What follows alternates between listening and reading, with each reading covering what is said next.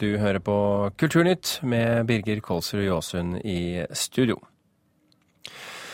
NRK sender i dag en formell klage til den aserbajdsjanske ambassaden i Stockholm etter at en NRK-reporter før helgen ble holdt tilbake, trakassert og drapstruet på flyplassen i Baku.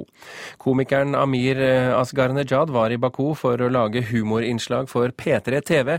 Programdirektør i NRK Per, per Arne Kalbakk sier de ser svært alvorlig på episoden.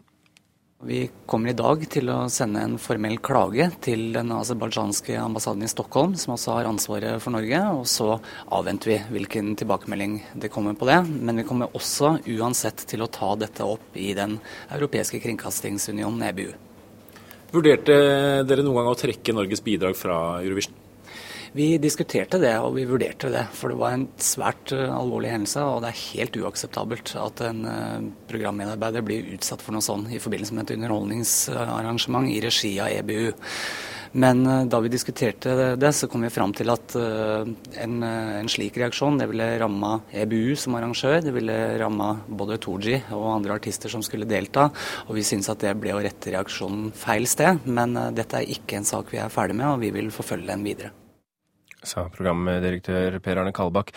Amir Asghar Asgharnejad ønsker ikke å uttale seg til NRK i dag. Han og flere kolleger var altså i Baku for å lage en underholdningsserie for P3, der han har utgitt seg for å være en reporter fra et iransk TV-selskap og bl.a. intervjuet aserbajdsjanere på gaten. I Kveldsnytt lørdag forklarte han hvordan han ble stoppet av politiet på flyplassen. Har ble holdt der veldig lenge, eh, i en time, og de holdt der flyet i en time, selv om de hadde sagt til de andre at de måtte bare gå. Men så holdt jeg en time for å gjøre det her, da. For å holde på med det. Men så har de også truet deg, da? Og så truer de meg med at hvis dette her blir fortalt til noen, hvis det her kommer ut, så dør du. Og hvis eh, jeg hører deg snakke noe mer dritt om Aserbajdsjan, så kommer jeg hjem til deg, kommer jeg til Norge, og så dreper jeg deg. Norges ambassadør i Baku har i dag vært i møter med aserbajdsjanske myndigheter. Der har han videreformidlet informasjon om hva som skjedde under avhør, og understreket at dette er svært urovekkende. Han videreførte at pressefriheten er svært viktig i ethvert demokrati.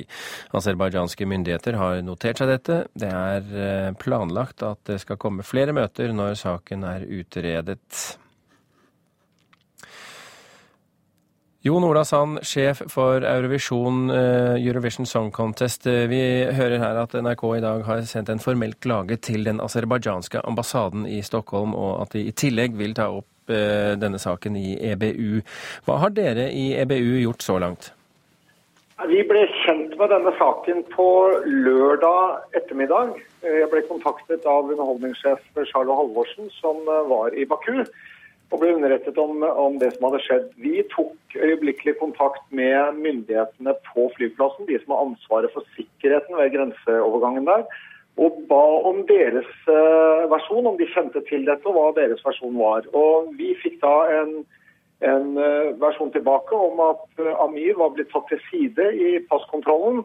Og de har, gir en annen tidslinje på dette, og selvfølgelig også et annet hendelsesforløp. noe som vel ikke er så uh, rart at de gjør. Men vi har fulgt opp dette i dag med en henvendelse der vi ber om at eventuelt videomateriale blir utlevert. Slik at vi kan ettergå den forklaringen. Du sier, du, du sier at de har en annen tidslinje, men hvem stoler du på her? Nei, Vi må prøve nå å finne ut hva som har skjedd. så Vi ønsker nå å få, få begge, sidene, eh, altså begge sidene av saken på bordet, slik at vi kan ta de riktige reaksjonene opp imot uh, både den vertskringkasteren som jo vi har kontakt med der borte, men også overfor myndighetene.